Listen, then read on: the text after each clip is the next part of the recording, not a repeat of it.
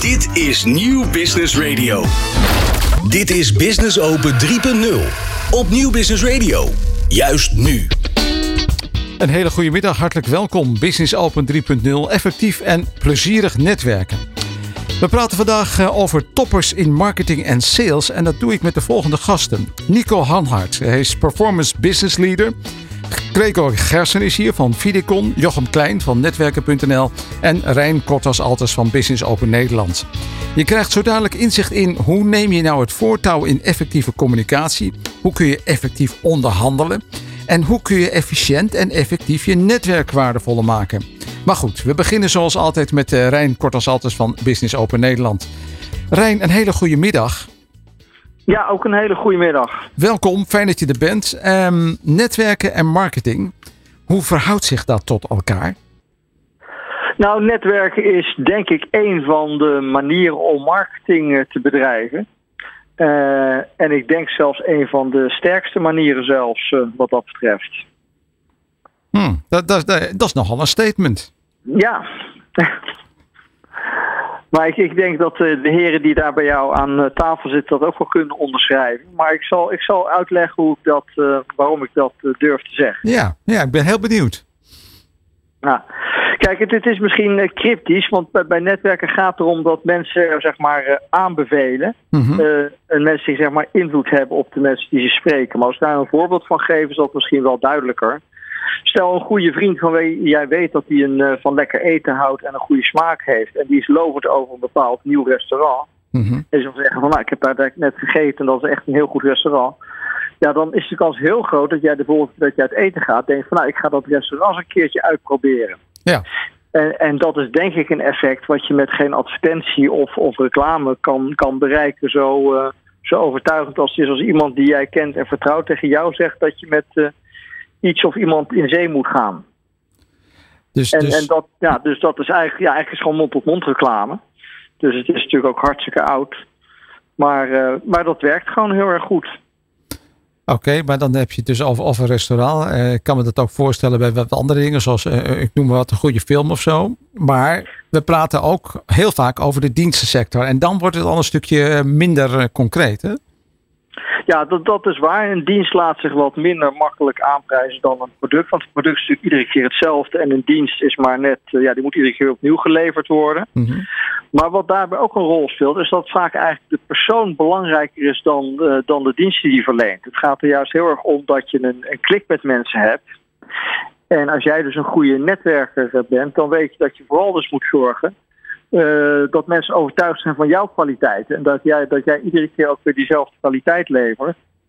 En dat is dus eigenlijk de uitdaging van het netwerk. Hoe kan ik er nou voor zorgen dat andere mensen uh, ja, vertrouwen in mij hebben en mij daarom durven aan te, te in hun netwerk? En, en uiteindelijk is het niet zo heel erg lastig, maar het is iets wat je door moet hebben. Mensen zijn vaak heel erg bezig met, met zichzelf te verkopen. Maar wat je veel beter kan doen in zo'n geval, en dat is wat, wat de netwerktoppers denk ik goed doorhebben, is dat je vooral moet kijken hoe kan je andere mensen helpen. Want als jij andere mensen helpt, dan gaan ze jou vanzelf een goede vent of, of leuke dame vinden wat dat betreft. En is de kans ook veel groter dat ze jou in een netwerk gaan aanbevelen. Dus de, de truc van netwerken is vooral uh, kijken hoe je anderen kan helpen, in plaats van hoe je jezelf uh, kan verkopen. Hoe, hoe doe je dat zelf, Rijn? Nou ja, er zijn natuurlijk heel veel netwerkclubs, uh, uh, borrels, uh, beurzen, allemaal plekken waar je kan netwerken. En, en overal is de dynamiek natuurlijk anders. bij Business Open bijvoorbeeld is juist alles erop ingericht dat je elkaar kan helpen en dat je dus goed aan je gunfactor kan werken. Maar ik was zelf bijvoorbeeld geen fan vroeger van netwerkborrels. Maar dat was inderdaad omdat ik het toen nog niet door had. En ik probeerde altijd mezelf te verkopen. Dus dan, dan sprak je iemand aan en dan had je de hoop dat hij net op dat moment jouw dienst nodig had. Uh, en dat is natuurlijk vaak niet het geval. En dan eindigde zo'n gesprek toch met het uitwisselen van een visitekaartje waar er vervolgens weinig mee gebeurde. En dat had dus weinig resultaat. En dat en, was dus en, ook niet leuk om te doen? Nee, nee, dat, dat, dat, ik vond het ook niet leuk daarom. Het was een beetje ja, frustrerend om zo bezig te zijn. Ja. Maar, maar inmiddels pak ik het heel anders aan. Ik kijk juist van, goh, hoe kan het, waar zit die persoon mee? Is er iets waar ik hem mee kan helpen? En dat is niet zozeer dat ik hem dan zelf misschien uh, uh, moet helpen. Maar wellicht ken ik weer iemand in mijn netwerk die zijn probleem voor hem op kan lossen. En op die manier Uh, heb je, stel dat hij ergens mee zit. Ik zeg, nou, ik ken iemand dat voor je op kan lossen. Dan kan je vervolgens dat contact initiëren. En dan heb je ook contact met die persoon op een, op een andere manier, die, die eigenlijk veel, veel prettiger is. En ja, mocht hij dan tegen T toch een keer jouw dienst nodig hebben of iemand kennen die dat nodig heeft, in, in mijn geval een, op zoek naar een leuk netwerk, ja, dan, dan, dan is de kans veel groter dat het blijft hangen dan zo'n zo'n moeizaam gesprek wat eindigt met een visitekaartje. En, en dat is dus denk ik uiteindelijk de truc van kijk veel meer hoe je de andere kan helpen en bouw van daaruit aan een relatie dat ze ook jou gaan aanbevelen. Want dat is, uh, ja, dat is al een goede netwerker voor zorgt. Dat hij gewoon uiteindelijk een, een heel leger ambassadeurs heeft uh, rondlopen. Dus de goede marketing is geven en niet nemen. Ja, ik zeg ook wel eens: uh, krijgen heb je niet in de hand, geven wel. dus dat is gewoon waar je het best aan kan, aan kan werken. Rijn Kortels-Alters van Business Open Nederland. Ontbijten, lunchen, gunnen, inspireren. Aangenaam effectief netwerken. Business open. We hebben het over netwerk. We gaan nog eventjes door en dat doen we met Jochem Klein. Hoe kun je efficiënt en effectief bouwen aan een waardevolle netwerk? Jochem, eh, jij bent van netwerken.nl, dus jij geeft ook allerlei lessen. Ja, opleidingsinstituut dat mensen leert netwerken te zijn. Jochem, goedemiddag. Dag Roelof, goedemiddag. Fijn dat je er bent, eh, Jochem. Ja, leuk. Ja, het is altijd weer een feestje om jou aan de telefoon te hebben. Eigenlijk nog leuk als je in de studio komt. Maar goed, uh, omstandigheden uh, voor jou om even telefonisch aanwezig te zijn. Ja. Uh, Jochem, jij leert mensen netwerken, hè? Klopt. Um, ja. wat, wat kom je dan tegen als jij mensen in, in, in, een klasje hebt? Ja, wat ik tegenkom is eigenlijk in grote lijnen dat mensen met een totaal andere beeld van netwerken hebben dan dat ik ze vertel. En dus als ze binnenkomen, dan hebben ze het over het algemeen hekel aan. Of ze, zien, ze hebben er geen zin in. Ze kijken er tegenop, weet je wel. Ja. En dat komt omdat ze het gevoel hebben dat als ze gaan netwerken, dat ze ook iets moeten verkopen. Dus op het moment dat ze naar een netwerkbijeenkomst gaan, dat ze klanten moeten werven. Ja. En daar gaat het dus fout, omdat je dan uh, gaat verkopen en dan zullen mensen juist een bloedhekel aan hebben. En ik leer ze eigenlijk op een andere manier naar netwerken te kijken, namelijk door niet te verkopen, maar te zorgen dat je relaties bouwt met de mensen die je daar tegenkomt. Hmm. En dat doe je door goede vragen te stellen, te luisteren, zodat je erachter komt waar de behoefte van de ander ligt. En op het moment dat je daar invulling aan kan geven, zelf of door iemand in je netwerk uh, in te schakelen, dan uh, zorg je dus dat je een connectie met die andere persoon maakt. En op den duur kunnen dat dan ambassadeurs van jou worden, waardoor je gepromoot wordt bij je doelgroep. En dat is een hele andere manier van kijken, wat mensen vaak een enorm ander inzicht geeft over het fenomeen netwerken en dan dus juist met heel veel plezier naar een netwerkbijeenkomst gaan. Ja, ik, ik kan me daar wel iets meer voorstellen. Want als ik naar een, eh, een netwerkbijeenkomst ga met, met mijn kaartjes op zak. En ik denk, nou, nu heb ik mijn targets. En ik moet uh, de vier kaartjes scoren van iemand anders. Nou ja, dat, dat, dat is niet echt leuk. En dan ben ik ook geen prettig mens, Jochem. Dat kun je je voorstellen. Uh, maar, maar, op het moment dat ik uh, daar naartoe ga. Ik denk, ik ga leuke gesprekken voeren. En ik ga interessante ja. mensen ontmoeten. Is het al heel wat anders, hè? Dat klopt. Ja. ja. En mensen hebben het meteen door. Of jij echt oprecht in hun geïnteresseerd bent of in uh, wat zij jou kunnen geven. Hè? Dus als je probeert, iets probeert te halen bij die andere persoon. En daar zit het grote, uh, de grote bottleneck. Dus op het moment dat jij vanuit een oprechtheid en een authenticiteit echt oprecht geïnteresseerd bent in het gesprek met die ander, dan ervaren mensen dat ook zo. En, uh, en dat probeer ik ze mee te geven in de trainingen die we geven. Joh, zorg dat je waardevolle relaties bouwt met je netwerk, zodat je ja, gepromoot wordt bij jouw doelgroep. En, en daar en zit stel, het grote verschil met het traditionele denken. En stel, hè, jij leert mensen om op die manier te kijken en zo naar een, een netwerkbijeenkomst toe te gaan. Maar goed, mm -hmm. dan heb je die uh, relatie, misschien heb je die klik dan gekregen. Maar niet mm -hmm. iedereen is even waardevol voor elkaar. Um, ik, ik weet mm -hmm. dat jij ook vier types uh, hebt uh, qua, qua, mensen in jouw netwerk. Kun je daar eens iets over zeggen? Ja, als wij uh, onze uh, cursisten hun netwerk in kaart laten brengen, dan uh, hebben we het eigenlijk over vier types mensen in je netwerk. De eerste is de figurant. De figurant is degene die wel in jouw netwerk zit, maar je hebt er eigenlijk niet echt een relatie mee en ze weten al helemaal niet wat je doet voor werk.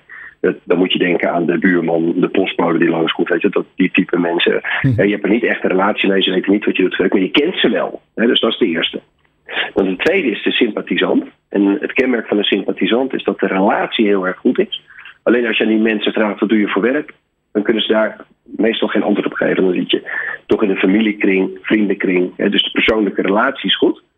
Maar als, je, als ze echt moeten uitleggen wat voor werk je doet, dan wordt het lastig. Ja? Nou, dan heb je als derde de DJ. Mhm. En bij de DJ is het eigenlijk precies andersom. Daar heb je niet echt een hele diepgaande relatie mee. Maar deze mensen zijn fan van jouw product of dienst.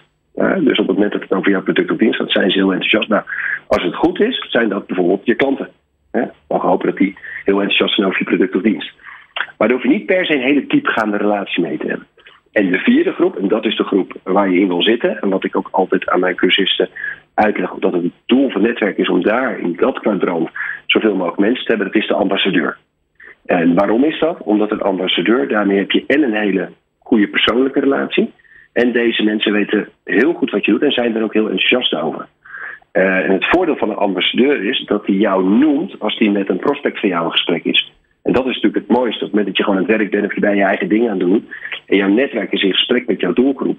En die doelgroep ventileert een probleem of een behoefte waar jij ze bij zou kunnen helpen. En dan wil je natuurlijk dat die persoon in jouw netwerk jou koppelt aan die persoon.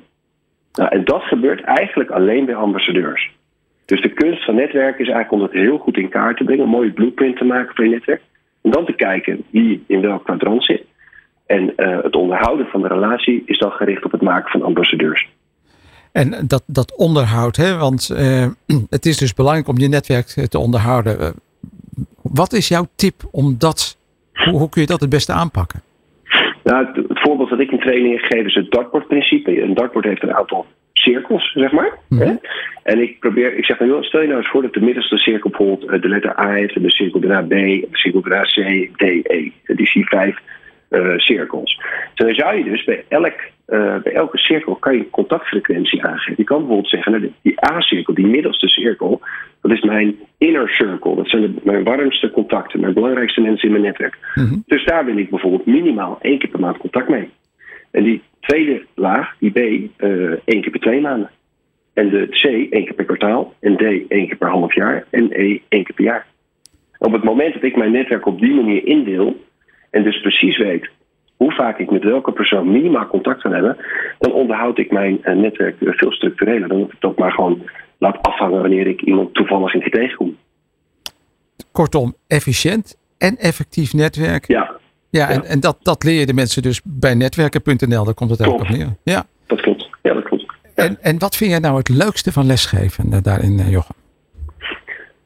Dus het, de, het zien dat mensen uh, die andere kant die ik je nu net vertel, over hoe netwerken ook kan zijn, dat dat kwartje valt. Dus hè, net wat ik zeg, ze komen binnen met het idee van nou, ik moet met visitekaartjes naar een bijeenkomst, ik moet klanten scoren. Kortom, er is al een beetje negatieve connotatie omtrent dat fenomeen netwerken. Mm-hmm. En vervolgens um, vertel ik dit wat ik jou nu net in een nutshell vertel over hoe je het ook kan doen. He, dus vanuit oprechte interesse, relaties bouwen, ambassadeurs maken. En in één keer zie je dan een soort ja, zeg maar opluchting, zou ik het bijna willen noemen. Waarin mensen zeggen van ja, jeetje, deze manier van netwerk had ik eigenlijk nog nooit zo bekeken. Maar nu zie ik in één keer weer heel perspectief. En dat moment dat ik dat bij mensen zie, dat vind ik het leukst. Nou, daar kan ik me alles bij voorstellen. Dankjewel. heel graag gedaan. Oké, okay, Jochem Klein van netwerken.nl. Ontbijten, lunchen, gunnen, inspireren. Aangenaam effectief netwerken. Business open. Het gesprek sturen in jouw richting, die ene deal afsluiten. Hoe doe je dat? Hoe kun je effectief onderhandelen?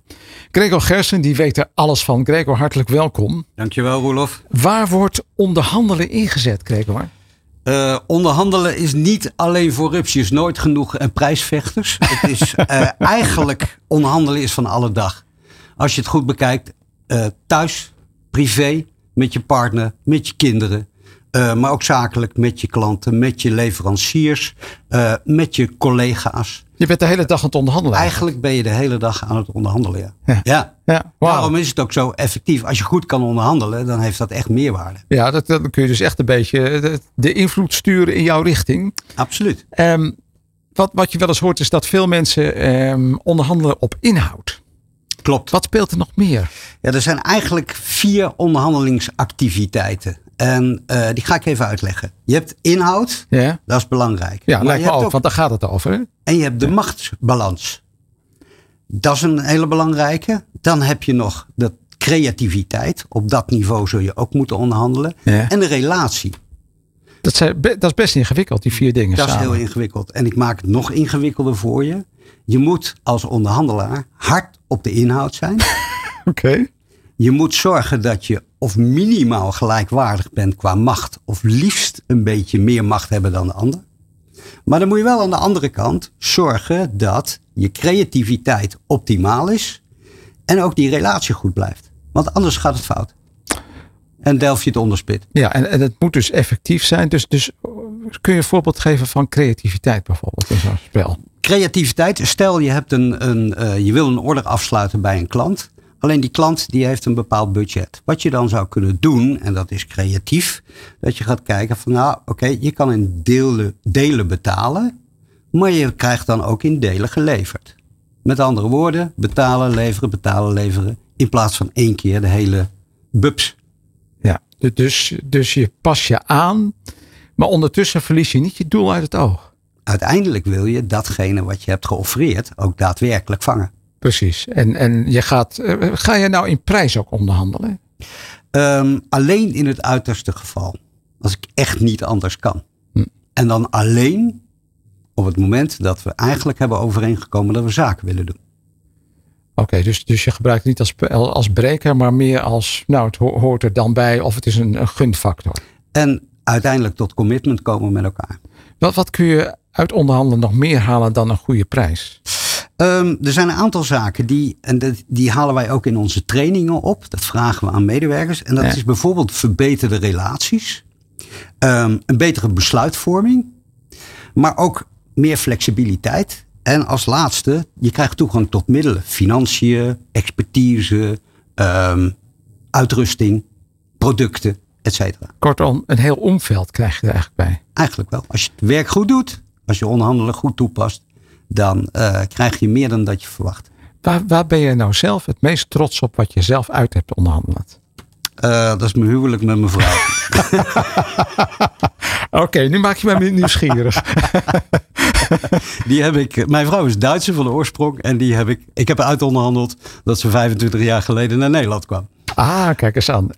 En, en jullie zijn nog steeds bij elkaar. En we zijn nog steeds bij elkaar. Ja. Wat, dat is wat, op zich ook al een onderhandeling waard. nou ja, wat al zegt, het is ook constant onderhandelen. Ook, ook natuurlijk privé. Absoluut. Ja. Absoluut. Uh, wat, wat zou je mensen mee willen geven? Wat, wat is de kern van goed onderhandelen? Hoe, hoe, hoe word je een goede onderhandelaar? Een goede onderhandelaar word je als je vasthoudt aan die inhoud. En zorgen dat je die balans goed houdt. Maar wel kijkt naar wat zijn de belangen van de andere kant van de tafel. En houd die ook in het oog. Gregor Gersen van Fidecon. Business Open 3.0. Iedere derde dinsdagmiddag van de maand tussen 4 en 5 op Nieuw Business Radio. Zaken doen op niveau. Persoonlijk, vertrouwd, to the point. Leiderschap, wat is dat? En hoe kun jij de leiding nemen in jouw leven, privé en zakelijk? Nico Hanhart is Performance Business Leader. Nico, hartelijk welkom. Dankjewel. Uh, vanaf nu elke maand in Business Open 3.0 een volgend tipje van de sluier opgelicht van hoe kun jij de leiding nemen in jouw leven. En vandaag gaan we het hebben over communicatie en leiderschap. Ja. Nico, ja, jij bent Performance Business Leader. Uh, we gaan het hebben over de communicatie. Wat heb jij de afgelopen week gedaan? Ja. Ik denk de kern van wat ik afgelopen week gedaan heb is met 24 ondernemers spreken over de resultaten die ze wel en niet halen binnen een organisatie. Oké, okay, dus communicatie in de vorm van spreken, gesprekken. Ja. Hoe ziet zo'n gesprek eruit? Um, ik denk dat, denk dat je, voordat we de antwoord op die vraag gaan creëren samen, is, ik denk meest belangrijk, is wat, wat is dat communicatie? Daar gaan we het over hebben, ja. ja, ja. En voor mij is, is, is dat, dat dingetje communicatie, is alles wordt gecreëerd vanuit taal. Het zijn de woorden die je gebruikt. Oké, okay, en dan denk ik al meteen, hoe, hoe zit dat dan? Uh, taal, want er is toch ook zoiets als lichaamstaal? Tuurlijk, absoluut. Ja. Ik zeg altijd zo, uh, uiteindelijk zijn we gefocust op wat iemand zegt. Ja, precies. De woorden. Ja. Um, daar ondersteunend is de non-verbale communicatie. De blik, de houding, het draaien met je ogen. Precies. Dat geeft vervolgens betekenis aan datgene wat iemand zegt. En waar letten mensen nou meestal op? Nou, dat is een goeie. Ik, uh, van de week uh, uh, was ik wat dingetjes aan het lezen. En toen dacht ik, goh, weet je wat, wat er gebeurt met de taal? We zijn zo gefocust op het gevoel. Iemand zegt iets tegen je. Wat doe jij als mens? Je geeft er een betekenis aan. Goed, fout, niet goed. Oh, dat vind ik helemaal niet aardig wat jij nu zegt. Je oordeelt gelijk. Je oordeelt. En dat maakt dat wij in, eh, in een maatschappij soms zijn, of in een, laten we, het, laten we het vooral klein maken eigenlijk. In een organisatie waar ik vaak kom, zie je gewoon dat we vooral gefocust zijn op, op hoe iemand iets zegt, in plaats van op wat iemand zegt. Hm, kun je eens een voorbeeld geven? Ja. Ehm, we vallen over de vorm. Voorbeeld. Ik werk met een, eh, met een bedrijf in Bunnik. Ehm, aan de voorkant is er een, een werknemer en een werkgever hebben eigenlijk niet zulke goede afspraken met elkaar gemaakt. Mhm. Werknemer door, door de werkgever aangesproken op, op, op gedrag. En werknemer valt over de vorm waarop dat gezegd wordt, de toon. Wat maakt dat iemand daarover valt, is vaak de waarheid is hard. Maar Wat, wat zegt zo'n werkgever dan? Die, die De werkgever zegt van, goh, luister, we hebben dit en dit afgesproken. Eh, je komt die afspraken niet na. Bijvoorbeeld eh, te laat komen of wat dan ook. Gewoon laten we het heel simpel houden. Ehm, En, en die feit is toon- dat- En die toon is dan? nou, te direct. Oké. Waardoor iemand zich wellicht aangevallen voelt. Zo van, de, jij komt nooit op tijd. eh, Ja. Je moet nu op tijd komen. Klaar. Bijvoorbeeld, of goh, eh, dit is de derde keer dat je te laat bent. Eh, eh, welke afspraken kunnen we eh, maken? En wat er dan letterlijk gebeurt, is dat werknemer zich aangevallen voelt. Wat maakt dat iemand zich aangevoeld wordt? Omdat iemand gewoon niet wil kijken naar de realiteit, de feiten. Mhm. Waarom? Iedereen heeft redenen, verhalen en excuses waarom dingen gebeuren. Ja. ja. Het zit dus in de, het zit hem in de woorden die je kiest. Alleen we maken de toon belangrijker dan eigenlijk de boodschap. Maar wat, wat ik hier lees is, het is niet alleen de toon, maar het is ook de boodschap zelf. Want Ja. die werkgever had ook kunnen zeggen, ik zie nu dat jij drie keer te laat bent gekomen. Hoe komt het eigenlijk? Je kan een vraag stellen. Ja, toch? Ook dat gebeurt niet altijd. Want de werkgever maakt de werknemer fout. Waarom? Omdat het al een paar keer eerder is gebeurd. Of het is de derde keer. Oh ja, vorige week had ze ook dit en dit. Dus het is een optelsom van. Waardoor wij mensen gaan oordelen. Ja. En ik denk dat oordelen. Kijk maar wat, we, wat de luisteraar misschien nu doet. Je hoort een verhaal van twee heren. Ja. En wat doe je als luisteraar? Oordelen. Ja. Goed, fout, onzin, geen onzin. Goh. hoe is onze communicatie nu, Nico? Nou, ik denk, eh, we zijn net eh, begonnen in de podcast. en eh, ja, we, we, zijn, we zijn iets aan het creëren. Ja. En wat wij willen is een impact maken bij de luisteraars rondom communicatie. En communicatie voor mij is niks anders dan een container. En Een container? Een, container. Communicatie. Het is alles bij elkaar. Taal, lichaamshouding, Mhm. waar we mee begonnen. Het zit er vooral in hoe gebruik jij je stem om zaken vooruit te bewegen in je organisatie. Jij bent leider van je bedrijf. Ja. Alleen, eh, je kent ze wel, die medewerker. Die doet eigenlijk niet wat je had, bedacht of wat je had verwacht. en dan is de kern, dan- wat ga je ermee doen? Ja. Welke verzoeken doe je iemand? Welke woorden kies je? Waar laat je de stilte zijn werk doen? Want stilte vinden we eigenlijk ongemakkelijk. Stilte is in heel veel situaties vreselijk. Ja, maar het is mega impactvol. Ja. Als ik, eh, als ik het even in mijn eh, business kijk, eh, ik, ik, ik werk nu met 24 ondernemers. Ehm, waar verdien ik het geld?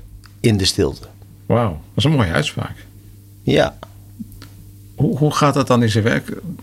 Je stelt een bepaalde vraag en dan laat je een stilte vallen. bijvoorbeeld.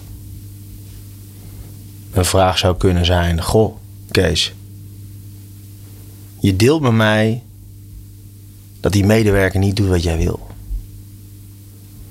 Wat ik je hoor zeggen is dat jij ze schuldig maakt in plaats van dat jij als leider verantwoordelijkheid neemt.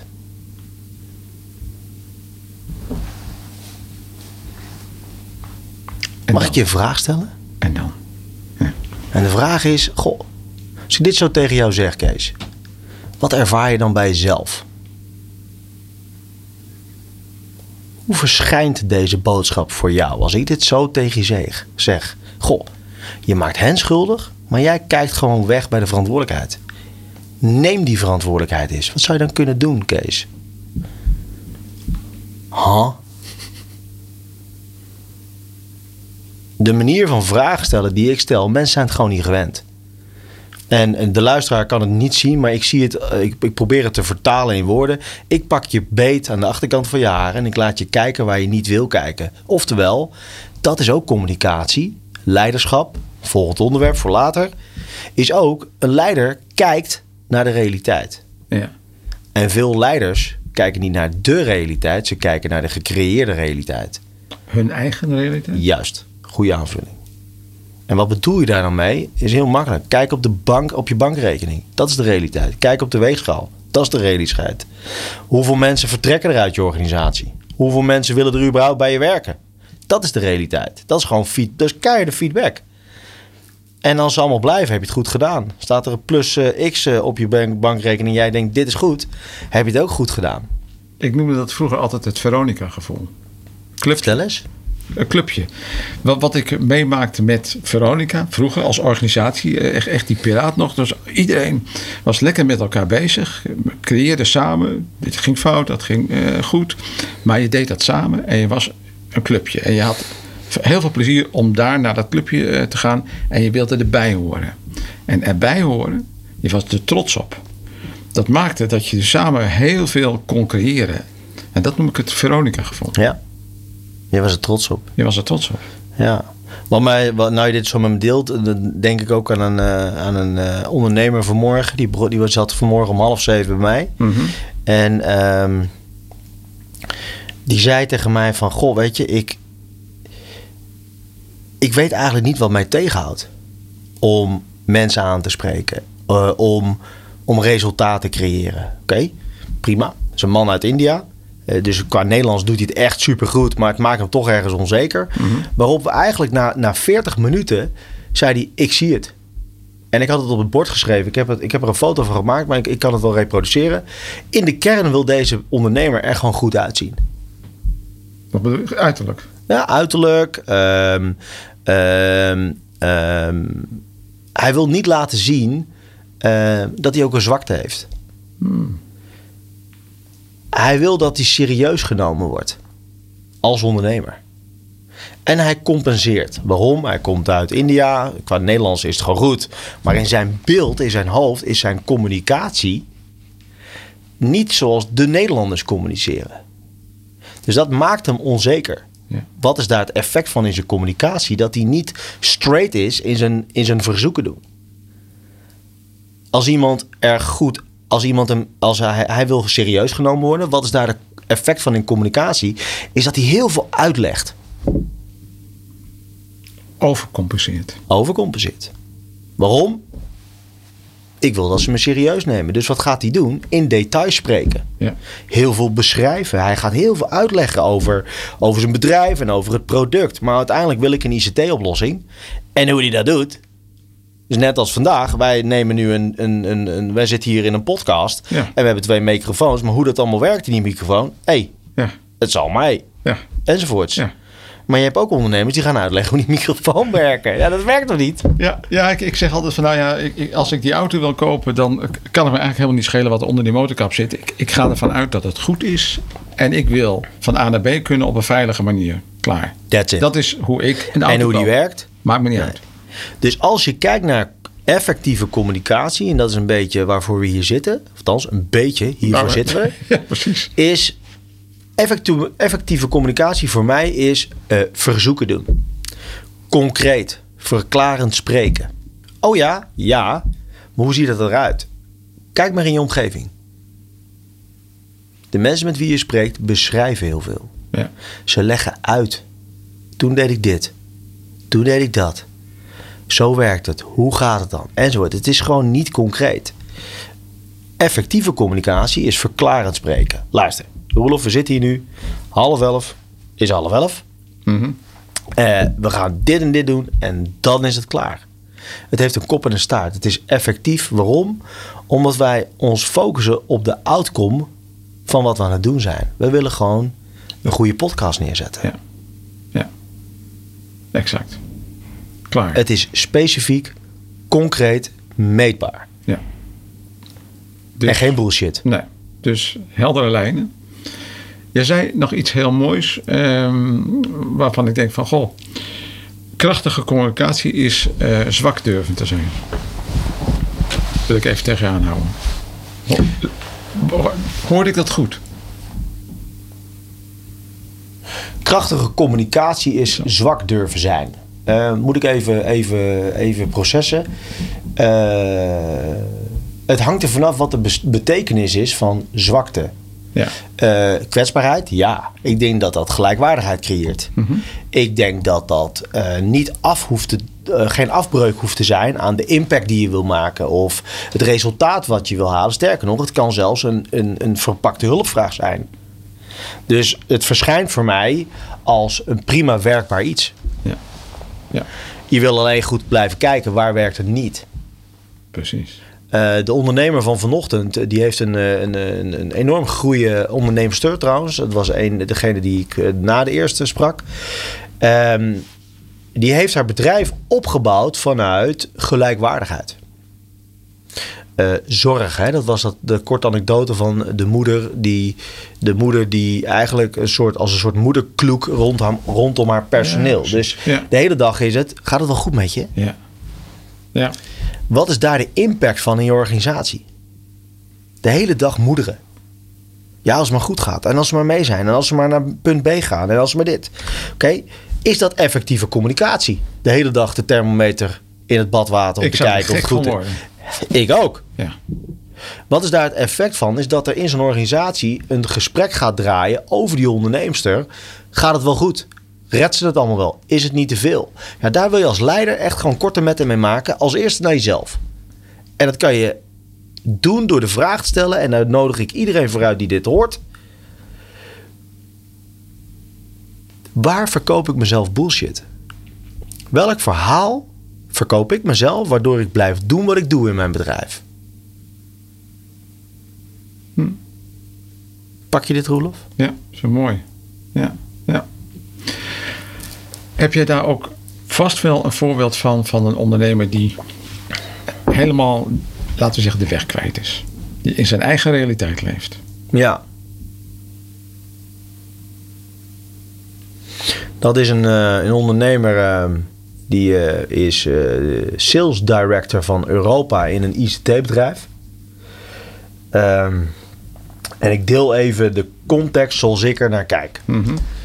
Ehm, hij eh, is gesqueezed door, door, door, door de eigenaren in Amerika. En eigenlijk wordt hij behandeld als een soort van accountmanager. Maar hij runt de tent hier. Hij runt de tent in Europa. Ehm, wat is het effect daarvan? Is dat hij verkoopt zichzelf dat hij waardevol is. En hij heeft de stip op de horizon. Als ik deze deal, deze deal, deze deal haal, dan haal ik een x ton naar me toe. Maar tot die tijd wordt hij gesqueezed. En ik maakte met hem vanochtend de anekdote. Goh, moet je je voorstellen. Als ik jou in de, als ik jou in de, in de toilet stop. In het kamertje dan bedoel ik, hè? En je, ik laat je daar een jaar zitten. Hoe ziet je leven er dan uit? Ja, dan word ik helemaal gek. Ja, dat snap ik. Maar dit is wat jij nu doet, hè? Je zit in een hamburger zo. En in die hamburger, je, zit, je ligt daar zo met je, met je gezicht tussen de, tussen de sla. En iedere keer krijg je druk. Maar iedere keer wil je eruit, maar het lukt gewoon niet. Het lukt gewoon niet. En, dan, en sterkst nog, oh ja, 70% van de marketingbudget is afgenomen. Hup, wegsla. Dan lig je daar alleen met je kop op die hamburger. En maar druk zetten. Want je moet wel je targets halen, hè? En ja, weet je, hoe, hoe lang tolereer je dit? Ja. En toen zei hij tegen mij, zei, ja, hij zegt, dit gaat nooit meer uit mijn hoofd. Ik voel me inderdaad een, een excuseert u mij voor het woord, maar ik doe het gewoon, een fucking hamburger. ja, ja. Ik zeg, ja, dus vanaf vandaag is jouw leven anders als jij dit stopt te tolereren, kerel. Dit moet je stoppen, dit wil je toch niet? Sterker nog, je vrouw vindt het ook niet sexy, hè? Dat je een soort marionetpop thuis bent. Een vrouw wil een man. Een man met een doel en een missie. Met focus en drive. Dit is Business Open 3.0. Het magazine voor leden van Business Open en hen die dit graag willen worden, maar nog niet weten wat ze missen. Graag wil ik nog een, eh, een tip, een eye-opener. En ja, zo'n beetje iedereen is vertrokken, want we hadden wat, wat telefonische gasten vandaag. Ehm, maar wie is hier nog wel? Gregor. Gregor, jij bent eh, gelukkig gebleven. Ja. Ehm, ja, je had het over onderhandelen. Eh, heb jij een tip voor ons? Ja, ik heb een, een tip en dat is alles, echt alles is onderhandelbaar. En eh daar, maar daar moet ik wel je iets mee. aan, aan toevoegen. Ook alles is geoorloofd bij onderhandelen. Alles is geoorloofd. ja. Eh, zijn er dan geen grenzen? Nou, die grenzen bepaal je in feite zelf. Dat zijn je eigen normen en waarden en wat jij moreel verantwoord vindt. Ik vind het een mooie, Gregor. Dankjewel. Goed, we zijn er nu echt doorheen. Ik dank mijn gasten Nico Hanhart, eh, Performance Business Leader. Gregor Gersen van Vidicon over het eh, onderhandelen. Jochem Klein van netwerken.nl over het netwerken en de netwerktrainingen. En Rijn Kort als Altes die volgens mij nooit meer visitekaartjes uitdeelt. Maar open het gesprek ingaat van Business Open Nederland. Business Open 3.0, iedere derde dinsdag van de maand. Hier van 4 tot 5 op Nieuw Business Radio. Bedankt voor het luisteren en graag tot volgende maand. Ontbijten, lunchen, gunnen, inspireren. Aangenaam effectief netwerken. Business open.